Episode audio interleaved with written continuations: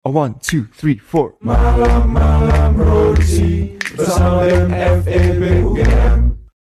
Malam-malam produksi by BEM FEB UGM. Halo semua BEMizen, kembali lagi nih bersama Bian di sini dalam segmen follow up.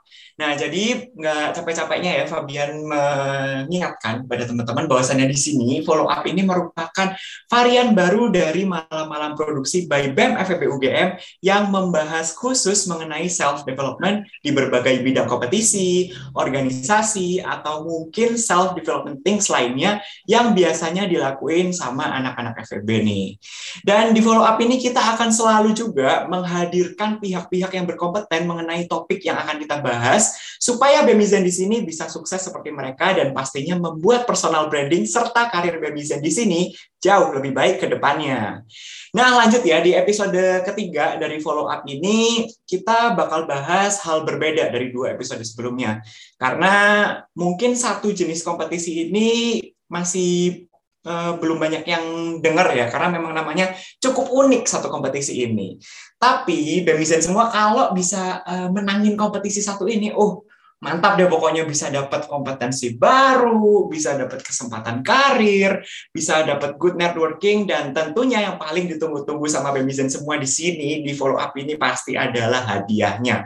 Udah pasti deh kalian nungguin hadiahnya ya kan kalau setiap menang-menang kompetisi gitu. Dan seperti biasa ya, kali ini tentunya dia sendiri karena selalu ada orang-orang keren yang menemani Bian di segmen follow up ini. Dan bersama Bemisen semua pada episode kali ini telah hadir seorang profesional. Beliau adalah AVP Startup and Community Engagement dari sebuah perusahaan terkenal di Indonesia.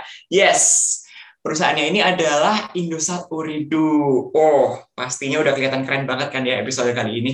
Dan kepo nggak? Kepo nggak? Pemimpin semua. Pastinya kepo kan ya. Oke, kalau gitu langsung aja daripada Bemizen semua di sini tenggelam dalam lautan kekepuan duniawi, langsung aja kita sambut bersama. Selamat malam kepada Kak Jaka Pradana. Selamat malam, Kak. Halo, selamat malam Bian. Apa kabar? Fabian baik sendiri. Apa kabar juga Kak Jaka? Baik, alhamdulillah sehat-sehat. Oke, di sini Fabian panggilnya Kak Jaka atau apa nih enaknya biar kita ngobrolnya lebih asik gitu. Iya, Kak Jaka aja. Saya masih muda juga kok. Oke, mantap. Jiwa muda selalu membuat semangat di hati gitu ya, kayak. Yo, Oke, nah Babisen di sini pasti kepo ya kan dengan Kak Jaka ini. Supaya obrolan kita malam ini lebih seru nguliknya. Boleh nih Kak Jaka perkenalkan diri dulu ke Babisen semua. Silakan Kak. Oke, uh, halo teman-teman. Apa Bemizen ya? Bemizen ya panggilannya Bemizen. Bemizen. Oke, halo teman-teman Bemizen. Perkenalkan, saya Jaka Arya Pradana.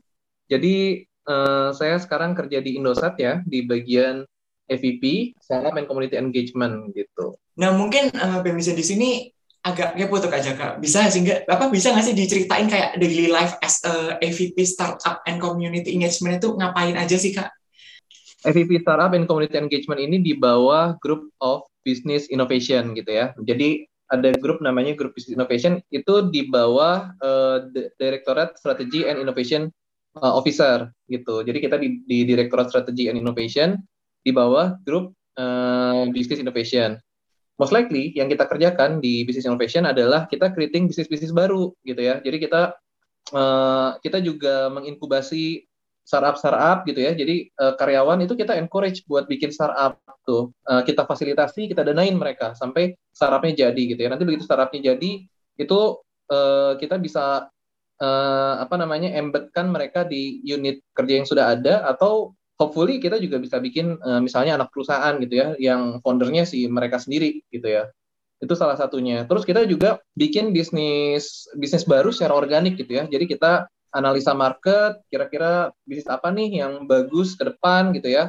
Kita lakukan berbagai macam validasi di situ dengan metode yang proven gitu ya. Uh, sehingga kita bisa membuild satu bisnis yang nanti kemudian akan di run oleh unit-unit uh, terkait gitu. Jadi kita kasih atau kita juga uh, bikin uh, mengimprove bisnis-bisnis yang ada gitu ya. Jadi misalnya udah ada nih uh, Indosat kan punya bisnis banyak banget ya, ada di segmen uh, consumer gitu ya, konsumer, ada di segmen B2B gitu ya, ada yang di segmen government gitu. Nah, itu juga sama tuh kita lihat ada potensi apa nih yang bisa kita upgrade gitu di situ. Dan termasuk kita juga mengencourage inovasi secara keseluruhan. Makanya kita uh, bikin banyak banget hackathon gitu ya. Kayak tahun lalu kita bikin virtual hackathon itu di dalamnya ada hack data, si hack sama global ghost jam. Ada tiga hackathon tahun lalu. Terus di tahun ini kita ada si hack lagi. Terus uh, bentar lagi kita mau ngadain e-wallet research challenge ya yang nanti mungkin kita akan diskusi lebih banyak. Itu mungkin kurang lebih yang kita kerjakan. Pada intinya sih semuanya bermuara pada inovasi gitu mas. Oke mas Jaka, berarti uh, mostly memang bagiannya mas Jaka ini berkecimpung banyak di dunia inovasi dari Indosat Uridu sendiri ini ya? Betul betul. Nah, ini jadi mengingatkan satu apa ya kenangan gitu sama Bian sendiri karena melihat Indosat Uridu ini sebagai perusahaan yang udah cukup lama dan stabil di Indonesia gitu ya. Mungkin terkenalnya juga dalam salah satu industrinya yaitu adalah telecommunication service provider gitu.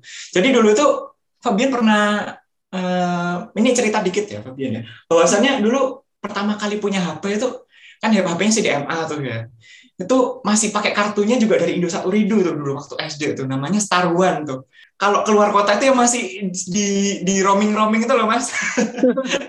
Jadi oh, agak agak ribet gitu ya kan dulu ya dan terus uh, makin ke sini makin berkembang gitu ya teknologi udah keren-keren dan simple dan di sini uh, Fabian lihat sendiri juga Indosat Uridu ini sudah uh, apa ya berinovasi cukup baik dalam mendukung kehidupan digital kita ke depannya. Nah mungkin uh, Fabian sendiri mau tanya ya ke Kak Jaka melihat uh, perkembangan Indosat Uridu sejauh ini uh, dan dengan posisi kakak sebagai uh, salah satu pemerhati atau salah satu yang akan me melihat inovasi ke depannya seperti apa, uh, adakah inovasi-inovasi tertentu yang mungkin ingin banget dicapai Indosat Uridu ke depannya? Ya banyak ya. Kita kan sekarang sudah memasuki era 5G ya. Indosat sendiri kita sudah uh, launch 5G kita di berbagai kota gitu ya. Dan kita juga sedang mengembangkan teknologi-teknologi yang uh, berkaitan dengan 5G gitu ya. Karena nanti begitu kita masuk ke era 5G itu kayak everything will will change gitu ya. Semua bakalan bakalan berubah gitu. Kenapa? Karena yang dulunya kita itu download lama banget, sekarang itu mungkin sekejap truk, udah selesai gitu. Uh, download video gitu ya, download film. Nah, itu juga kita lagi terus uh, meng, apa, uh, mengembangkan bisnis-bisnis di sektor 5G itu gitu ya. Yang tentunya bisnisnya pasti berbeda dengan bisnis-bisnis uh, existing ya. Karena kan bisnis-bisnis existing kalau kita ngomongin cuma sekedar paket data gitu-gitu, ya mungkin 4G sudah cukup gitu ya. Nah, 5G ini butuh use case-use case yang yang spesial gitu ya. Tapi intinya kita banyak di di sektor-sektor itulah ya, virtual reality gitu ya, mungkin IoT gitu ya. Terus juga yang high connectivity kayak misalnya mungkin autonomous car gitu. Itu uh, kita lagi explore ke area-area yang yang menarik seperti itu. Intinya yang dia memang membutuhkan connectivity 5G gitu.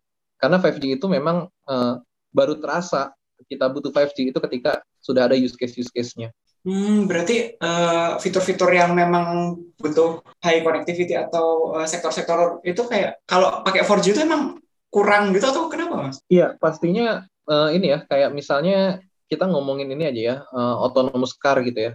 Autonomous hmm. car itu kalau misalnya connectivity-nya nggak stabil, video yang diprosesnya nggak bagus, ya mungkin mobil apa namanya uh, processingnya bakalan jelek terus mobil-mobilnya tabrakan nanti gitu kan karena uh, apa namanya ya itu ya uh, dia memang ada lagging gitu ya Iya gitu. Jadi dia harus diproses dengan dengan sangat cepat gitu ya. Datanya harus dikirim dengan sangat sangat cepat dan diproses dengan sangat cepat gitu. Virtual reality juga kalau misalnya ya tertentu, yang tertentu dia bisa pakai pakai 4G gitu ya. Tapi yang tertentu lain ya dia memang sangat butuh 5G gitu ya.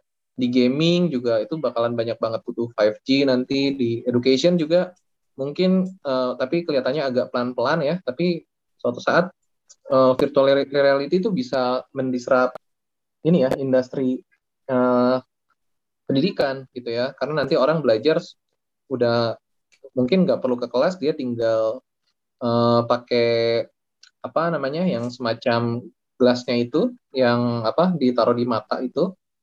Nah dia bisa belajar apa pun gitu ya praktikum dia bisa belajar ke bawah laut gitu kan. Dan dia bisa experiencing langsung melihatnya lebih real gitu ya. Terus de dengan dan tanpa dia harus misalnya ke dasar laut gitu ya yang mungkin butuh budget bakalan banyak banget gitu ya. Atau ketika buat ngebenerin mobil-mobil tertentu gitu kan ya kita bisa experiencing oh ya kita ngeliatin apa namanya material-materialnya tanpa kita apa namanya tanpa kita uh, harus beli dulu gitu ya. Seperti itu. Jadi nanti akan apa ya uh, cost praktikum-praktikum itu akan sangat murah karena nggak semuanya harus beli di awal gitu. Uh, dan juga orang bisa experiencing lebih jauh lebih baik gitu ya. Mungkin itu ya salah satu yang akan menjadi tren ke depan kalau kita berbicara dalam konteks telekomunikasi ya 5G dan use case use case-nya. Terus uh, terkait dengan uh, yang dikatakan Kak Jaga tadi uh, apa terkait pendidikan kan hmm. dalam mencapai uh, apa namanya pengembangan 5G ataupun uh, use case use case yang seperti Kak Jaga tadi sebutkan adakah mungkin proyek-proyek uh, yang ke depannya akan mungkin diadakan dari Indosat Uridu sendiri untuk uh, menyentuh sektor pendidikan itu sendiri? Iya, kalau bisnis banyak ya, tapi mungkin saya akan cerita uh, satu ini aja ya, satu satu kompetisi kita ya.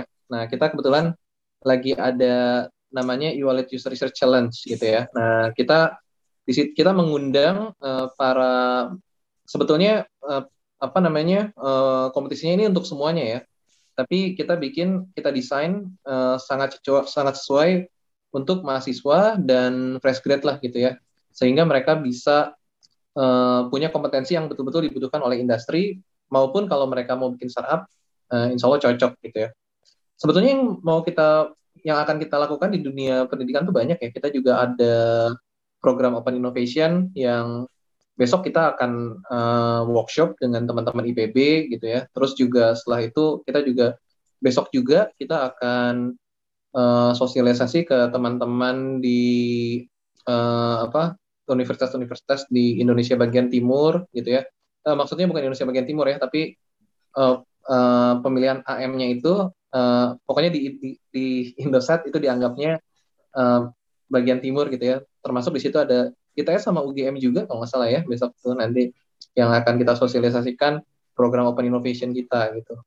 Uh, Masih banyak berarti ya untuk uh, program dari Indosat sendiri untuk menyentuh sektor pendidikan di Indonesia ini cukup banyak dan cukup uh, apa ya istilahnya ya, cukup well plan gitu ya karena memang uh, karena kita ketahui bersama ya Bemizan bahwasannya sektor pendidikan ini yang akan memajukan bangsa kita ke depannya dan tentunya di sini kita juga harus dibekali oleh uh, skill-skill terbaru pastinya ya untuk menggapai uh, era teknologi di masa depan ini.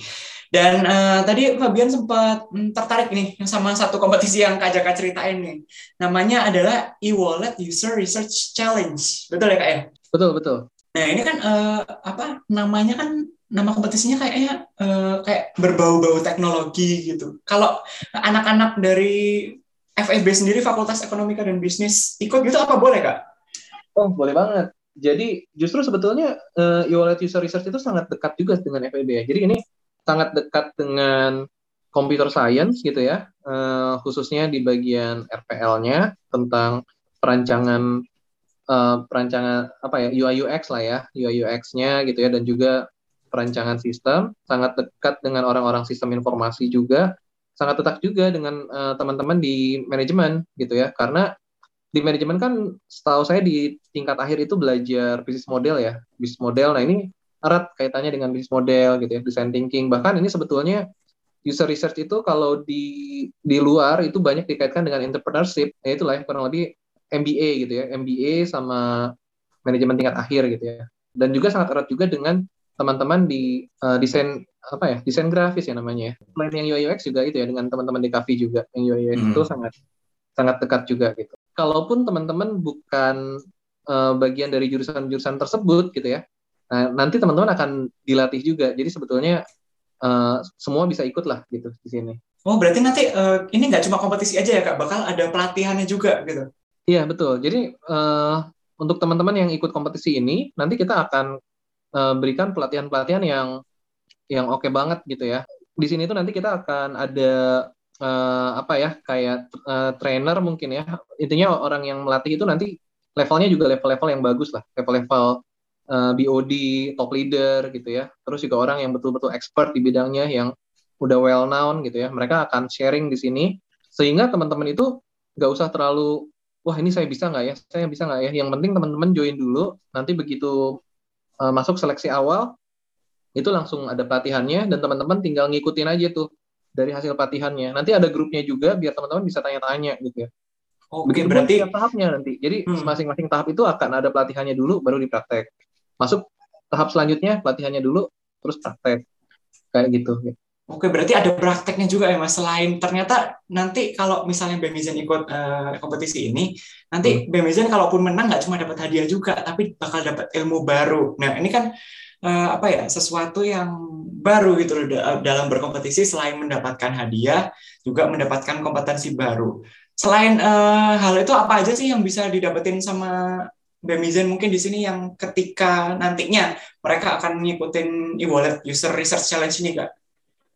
Oke, okay, karena ini ini judulnya e-wallet user research challenge ya. Dan uh, sebelum mengadakan e-wallet user research challenge itu kita juga melakukan user research dulu.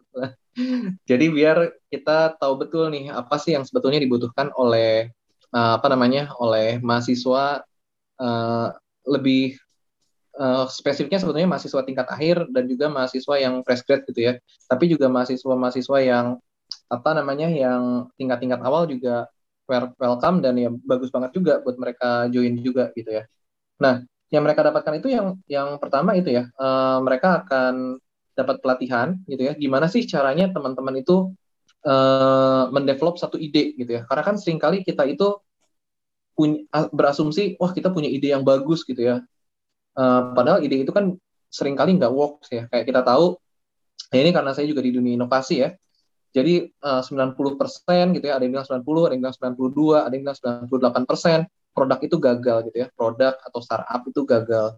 Nah, gimana caranya biar berhasil? Nah, itu ada tahapan-tahapannya sebetulnya. Tahapan-tahapan validasi yang kurang lebih tahapannya kita pakai juga di sini. Makanya ilmunya kita kasih gitu. Jadi kalau teman-teman mau terjun uh, mau berkarir teman-teman juga dapat gitu ya kalau teman-teman mau bikin startup teman-teman juga dapat nah terus yang kedua selain uh, ilmu-ilmu itu juga nanti akan dideliver oleh orang-orang yang yang oke okay banget lah ya salah satunya itu kita sebut aja ada ex direktur design of Google gitu ya yang dia juga sebelum eh sorry uh, Gojek yang sebelumnya dia itu dari Google Ventures ya dia uh, murid uh, orang Indonesia yang uh, orang Indonesia pertama yang jadi muridnya Jack Knapp lah gitu. Jack Knapp itu orang yang mempopulerkan desain sprint ke ke Google gitu ya, yang sehingga Google uh, menggunakan desain sprint gitu ya di sana. Nah terus uh, tadi ya mentor-mentornya juga keren ya. Kita juga bahkan di di sesi final itu nanti akan uh, judge-nya itu uh, BOD, rencananya BOD BOD Indosat dan juga petinggi-petinggi di TLU ya. Dan juga kita juga lagi uh, ini juga lagi approach ke ke apa namanya external jury judges juga ya external judges gitu.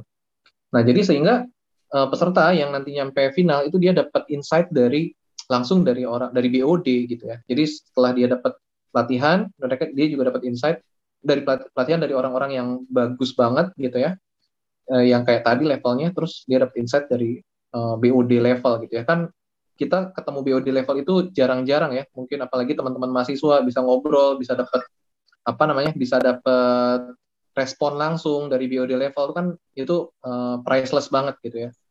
Nah, terus selain itu teman-teman juga nanti bisa dapat network yang bagus gitu ya. Seenggaknya dengan para mentor dan juga dengan apa namanya dengan sesama peserta gitu ya. Karena nanti kan pesertanya udah terpilih lah ya. Dan juga nanti untuk para pemenang itu kita bisa apa bisa dapat kesempatan untuk diinkubasi oleh uh, Indosat Uridu gitu ya. Jadi kita bisa bekerja bersama lah sama Indosat Uridu gitu untuk uh, mengimplementasikan idenya kayak gitu.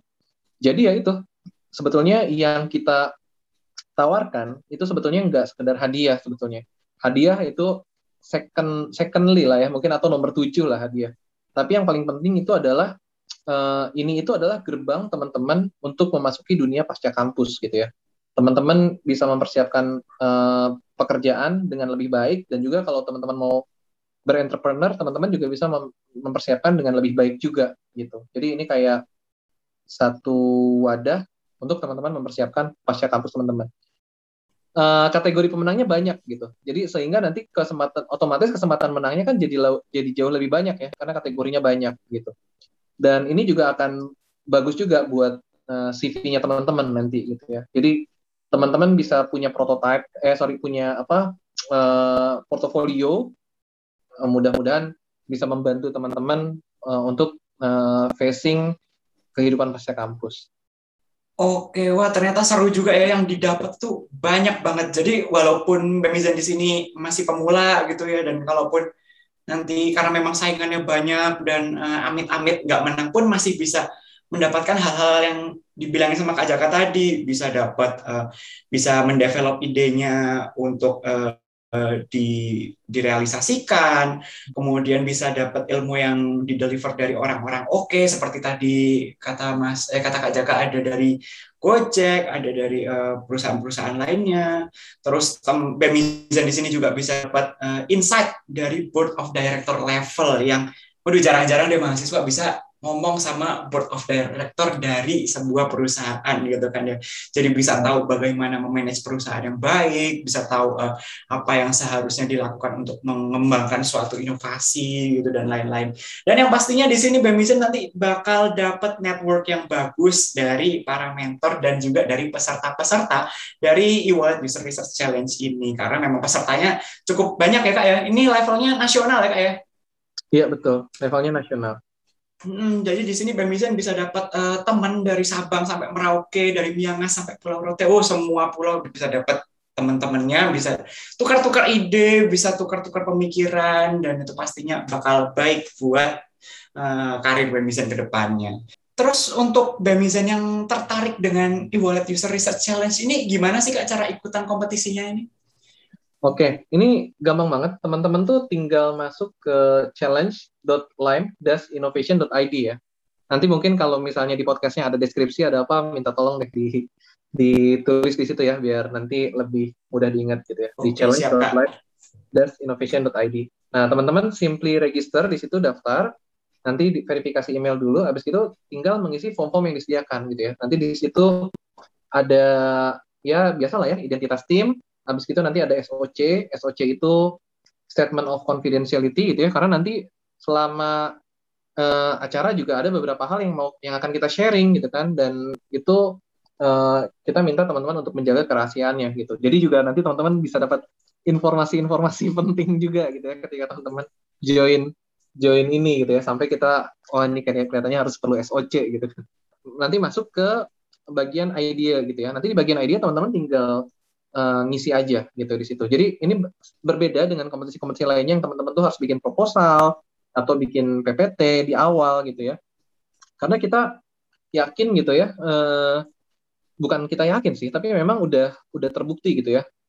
Kebanyakan ide itu kan gagal sebetulnya ya. Nah makanya kita pengen ide yang valid. Jadi kita uh, memungkinkan teman-teman itu untuk merubah idenya seiring dengan proses validasi yang akan dilalui gitu ya.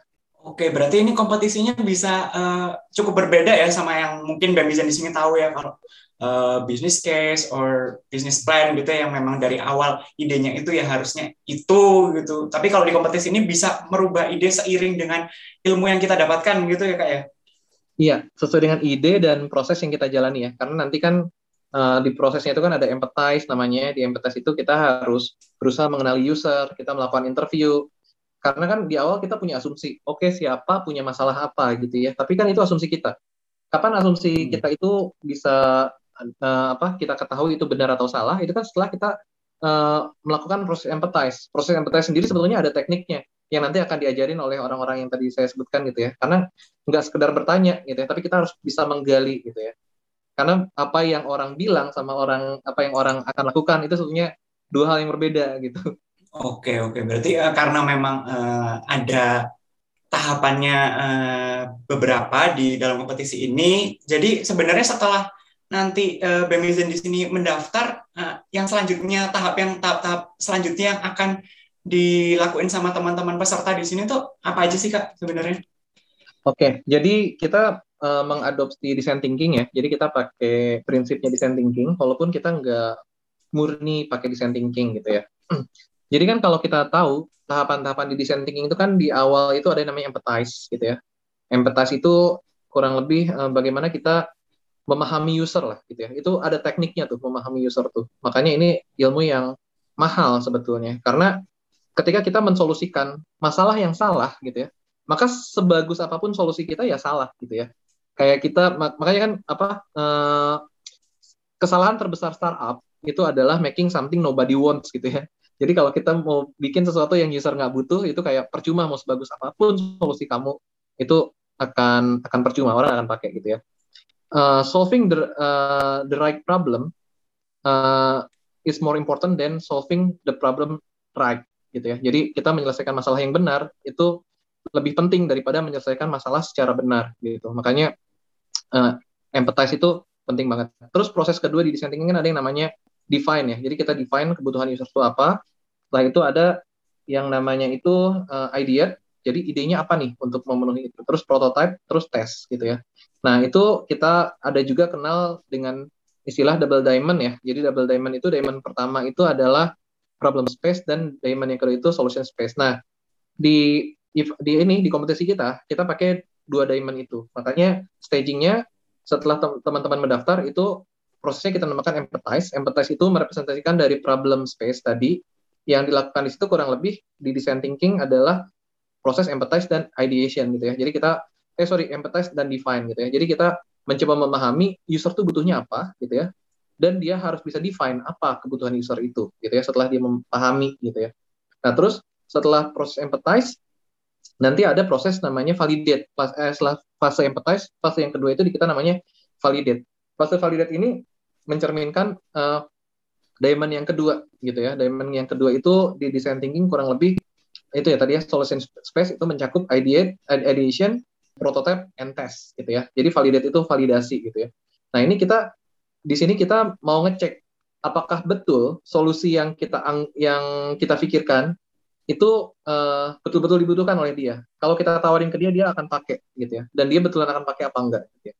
Dan terakhir pitching gitu ya. Jadi kita fasenya itu uh, empathize, validate, dan pitching. Di masing-masing fase nanti akan kita berikan pelatihan dulu gitu ya. Jadi begitu masuk ke fase uh, empathize itu kita kasih pelatihan yang pertama kita kasih bisnis konteks. Jadi uh, kita kasih tahu dulu nih apa bisnis konteksnya tuh seperti apa gitu ya biar uh, teman-teman juga bisa menjalankan ini lebih dengan lebih tajam gitu ya. Setelah bisnis konteks itu nanti ada pelatihan empathize-nya gitu ya bagaimana sih cara kita menggali gitu ya, menggali kebutuhan user karena tadi ini tuh adalah satu proses yang penting banget dan sulit sebetulnya, nggak semua orang bisa gitu ya. Nah, tapi kita ajarin di sini. Tapi semua orang bisa melakukan kalau dia mau belajar.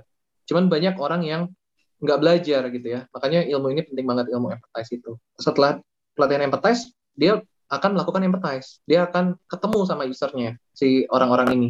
Dia cari tuh usernya. Makanya di form kita kita juga ada ini ya, ada apa namanya, ada uh, pertanyaan tentang seberapa mungkin kamu untuk berkomunikasi dengan calon customer kamu gitu ya. Karena itu penting. Setelah itu, teman-teman mengerjakan empathize terus teman-teman submit gitu ya uh, hasilnya. Setelah submit hasilnya, hasilnya teman-teman akan masuk ke fase validate. Sama di situ juga dilatih dulu untuk melakukan itu tadi ya apa namanya diamond yang kedua solusi diamond sampai tes gitu ya. Nah ini juga krusial karena kalau kita enggak tes dulu, ini tuh bakalan disukai apa enggak gitu ya. Terus kita tiba-tiba launch uh, program atau produk kita, ya mostly bisa jadi nanti program atau produk kita itu kemungkinan gagalnya jadi, jadi lebih besar gitu ya. Tapi kita harus tes dulu di skala tertentu. Ketika kita sudah tes, oh kita jadi tahu gitu. Ini uh, orang itu akan suka, orang itu akan pakai terus gitu ya. Kayak gitu. Nanti setelah uh, ada pelatihan tentang validate, teman-teman uh, melakukan validasi, habis itu teman-teman submit reportnya. Setelah teman-teman submit reportnya, masuk ke fase berikutnya pitching. Nah di fase pitching itu pertama akan ada pelatihan bisnis case dulu, gitu. Jadi ada bisnis case-nya juga nih. Nanti habis dikasih pelatihan bisnis case, teman-teman tuh bisa membuat presentasi ala startup lah kurang lebih. Nah setelah teman-teman bikin presentasi ala startup, nanti di tengah-tengah itu ada coaching session, gitu. Jadi setelah teman-teman udah mulai bikin presentasinya, itu di, terus di coaching cara presentasinya tuh gini loh gitu yang bagus. Karena teman-teman kan akan presentasi depan BOD ya. Tentu presentasinya harus bagus gitu ya. Nah setelah di coaching nanti baru terakhir teman-teman akan pitching di depan BOD. Tapi yang pitching di depan BOD kurang lebih nanti ada 10 tim ya, 10 tim yang terpilih yang bisa melakukan eh, proses-proses itu dengan dengan baik lah ya, dengan baik sehingga bisa mendapatkan ide yang valid. Itu yang penting. Jadi kita bukan pengen ide yang bagus ya, tapi kita pengen ide yang valid, ide yang valid dan uh, impact-nya besar gitu. Kurang lebih itu, Mas. Oke, berarti uh, cukup mendetail ya kak ya. Uh, apa yang dilakukan nanti di e-wallet user research challenge ini mulai dari uh, uh, mengikuti kompetisinya uh, dengan cara yang baik seperti apa, kemudian nanti uh, diajari oleh orang-orang profesional tertentu gitu yang pastinya di sini uh, teman-teman di sini benar-benar di apa ya istilahnya ya, benar-benar uh, dapat ilmu yang uh, sangat bermanfaat gitu untuk uh, karir ke depannya dan juga yang tentunya tadi untuk mengetahui design thinking sendiri itu seperti apa. Gitu jadi Bemizen. Kalau Bemizen ikut kompetisi ini, Bemizen nanti langsung dapat ilmu-ilmu yang sangat bermanfaat ya pokoknya buat kehidupan Bemizen nantinya. Dan kemudian nih kompetisinya masih cukup uh, nama kompetisinya masih cukup kurang familiar ya di, di mata mahasiswa gitu. Mungkin ada nggak sih kayak tips-tips dari Kak Jaka untuk Bemizen di sini sebagai mungkin bagi mereka yang pemula gitu untuk apa aja sih yang harus dipersiapkan untuk mengikuti e-wallet user research challenge ini? Oke, mungkin saya punya dua tips ya. Jadi yang pertama secara general ya teman-teman uh, kalau mau ya coba baca-baca deh tentang design thinking, tentang idea validation gitu ya. Itu akan sangat membantu teman-teman gitu ya. Apalagi kalau teman-teman curi-curi start gitu ya. Eh, teman-teman curi-curi melakukan validasi sedikit-sedikit nah itu mungkin akan much uh, better gitu ya. Jadi nggak usah terlalu takut nanti juga dilatih lah gitu ya. Uh, yang penting persiapannya adalah teman-teman tuh mau mau belajar sungguh-sungguh gitu. Terus yang kedua mungkin ini ada tips biar teman-teman bisa mendapatkan skor yang cukup baik uh, di idea submission mungkin ya. Nah, saya akan sedikit share. Jadi ketika di idea submission itu pertanyaan pertama di kita itu bahkan ini ya kayak apa uh, siapa target pengguna dari ide Anda gitu ya. Karena kompetisi kita itu adalah kompetisi yang sangat user centris ya. Jadi design thinking itu kan uh, user centris. Kita pengen memastikan user itu mau pakai gitu ya. Dan juga user itu mau bayar gitu. Nah, itu kan paling penting di bisnis kita itu itu ya, user itu mau pakai. Karena kalau sebagus apa pun kita bilang impact-nya gede, kalau usernya nggak mau pakai, ya jadi nggak ada impact-nya kan gitu ya. kalau user nggak mau bayar, maka kemungkinan sustainnya susah gitu ya. Atau bukan user mau bayar lah, intinya ada yang mau bayar gitu ya, kayak kalau kayak Google, Facebook kan yang bayar nggak user, tapi kan ada yang mau bayar gitu ya, sehingga dia bisa sustain. Tapi kalau misalnya nggak ada yang mau bayar, kemungkinan satu program itu sustain satu bisnis itu sustain ya kecil gitu ya. Tetap harus ada yang mau bayar. Nah yang pertama itu tadi ya. Siapa sih target pengguna ide anda gitu ya? Nanti yang kedua itu ada mengapa anda memilih target pengguna tersebut gitu ya? Nah itu ya bisa diceritain aja. Mungkin karena sudah apa namanya sudah attach gitu ya atau sudah kenal atau mudah di reach atau uh, karena sudah mengidentifikasi problem yang mereka temukan gitu itu bisa gitu ya. Terus seberapa besar uh, market size di Enda, nah itu teman-teman bisa googling lah ya dari data BPS, dari data uh, macam-macam research di situ ya. Jadi sehingga kita tahu seberapa besar sih. Terus seberapa dekat Anda dengan target pengguna tersebut. Nah itu penting karena kalau nggak dekat, ya itu kemungkinan untuk merich-nya susah gitu ya. Di sini kita ingin mengidentifikasi uh, betul nggak sih si peserta ini dia bisa uh, user gitu ya. Karena user reachability itu menjadi salah satu poin penilaian juga di kita gitu ya. Nah terus jelaskan secara singkat uh, seberapa dekat gitu ya itu kurang lebih yang tadi gitu ya. Kenapa anda tulis di skala tersebut gitu. Terus ditanya juga dalam waktu uh, apa berapa orang dari target pengguna tersebut yang dapat anda ajak diskusi dalam waktu tiga hari? Karena uh, itu tadi namanya user centric itu kita memang harus uh, bisa ngobrol sama usernya gitu ya. Nah itu juga. Terus juga berapa orang dari target pengguna tersebut yang dapat Anda kirimkan informasi melalui chat ataupun email gitu. Karena itu penting nanti untuk melakukan testing gitu ya. Jadi kalau uh, apa namanya? Kalau yang bisa diajak diskusi itu untuk proses empathize gitu ya. Tapi kalau yang chat atau email itu untuk teman-teman melakukan validate. Itu penting banget ya dua hal dua hal itu uh, di dunia startup, di dunia bisnis ketika teman-teman bikin program itu sangat penting. Terus masalah apa yang dirasakan oleh target pengguna tersebut gitu ya. Nah, itu harus teman-teman define tuh kira-kira apa masalah eh, yang dirasakan oleh target pengguna tersebut gitu ya. Jadi kita mau bikin apa sih? Kita mau bikin apa itu kan karena kita tahu ada satu target pengguna dan dia punya masalah gitu ya. Semakin unik masalahnya dan juga semakin penting masalahnya, maka itu juga akan semakin eh, baik nilainya gitu ya di kita. Terus ini juga penting nih bagaimana target pengguna memecahkan masalah tersebut saat ini gitu ya. Karena salah satu indikator masalah itu penting adalah walaupun sulit masalah itu tetap dipecahkan gitu ya. Sebagai contoh ini saya kasih contoh yang ekstrim ya. Misalnya zaman dulu, zaman dulu belum ada pesawat atau pesawat masih mahal banget gitu ya, atau masih jarang. Orang itu naik haji itu sampai pakai kapal laut, waktunya setahun gitu ya. Itu kan artinya ada masalah. Orang itu mau repot-repot mengerjakan itu gitu kan. Ya, masalah yang penting itu pasti tetap diselesaikan pada saat ini gitu ya. Sama yang terakhir solusi apa yang Anda tawarkan untuk masalah tersebut gitu ya. Jadi yang poin-poinnya tadi ya, kita juga pengen idenya juga seunik mungkin gitu ya. Kalau bisa dari industri yang jarang gitu ya. Kita jarang banget ngelihat bisnis e-wallet itu seperti ini gitu ya. Nah, itu idenya akan lebih disukai, lebih unik, lebih disukai. Itu mungkin. Oke. Okay. Berarti uh, mostly memang di kompetisi ini jadi Bian bisa ambil kesimpulan bahwasannya di e-wallet research challenge ini teman-teman di sini harus bisa research yang mendalam gitu ya terutama terkait ide yang unik serta uh, demand yang jelas gitu ya kak ya betul gitu. jadi dengan dengan demand yang ada itu udah jelas tadi kayak misal uh, usernya siapa terus hmm. kenapa memilih user itu seberapa besar marketnya dan lain-lain itu di sini teman-teman yang mengikuti kompetisi ini bisa tahu mendetail bagaimana nantinya si ide dari teman-teman di sini bakal diimplementasikan seperti itu ya Mas ya. Betul, betul sekali. Oke. Nah, berarti uh, di sini pastinya nanti jangan takut ya Bemizen ya, karena nanti akan ada bimbingan dari pihak-pihak yang sudah profesional tentunya. Bemizen di sini pastinya nanti juga mendapatkan ilmu-ilmu baru supaya dapat mengelaborasi idenya dalam e-wallet user research challenge ini. Dari Kak Jaka sendiri uh, bisa diajak nih Bemizen sekalian untuk bisa ikut dalam e-wallet user research challenge ini.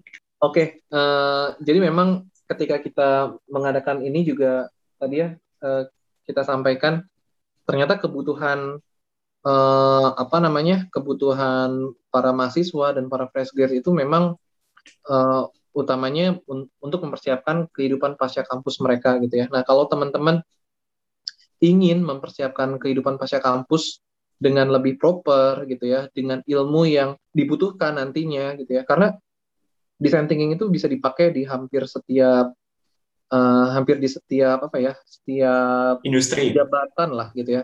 Iya, hampir di setiap bidang dan di setiap apa ya. Uh, jadi misalnya di HR bisa dipakai gitu ya, di orang teknologi bisa pakai, orang marketing juga bisa pakai gitu ya. Nah, jadi kalau teman-teman mau mempersiapkan kehidupan pasca kampus yang lebih baik dengan ilmu yang dibutuhkan, dengan network yang juga baik buat teman-teman, buat teman-teman saling belajar juga gitu ya. Terus juga nanti kan kita ada program inkubasinya.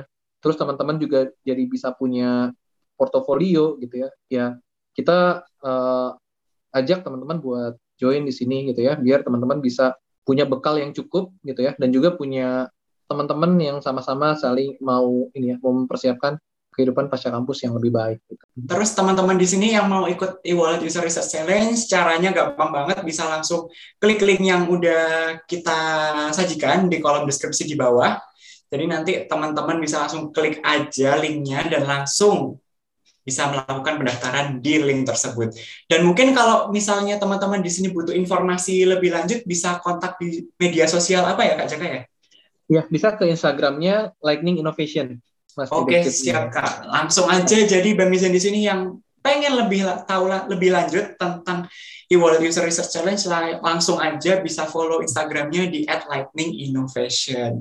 Ikutin kompetisinya, rasakan manfaatnya dan dapatkan hadiahnya. Oke. Okay. Dan ada satu lagi nih info buat Bemizen sekalian yang ingin menyiapkan hal terkait design thinking untuk e-wallet user research challenge ini kami dari BMFB UGM dan juga Indosat Uridu sudah menyajikan tipsnya yang ada di salah satu postingan terbaru dari Instagram BMFB UGM sendiri. Dan cukup uh, sudah cukup lama ya, nggak terasa udah lama juga kita berbincang ini cukup insightful sekali. Di sini uh, banyak yang bisa diketahui ya dari Bemizen tentang apa itu design thinking, kemudian tahapan-tahapannya dan lain sebagainya.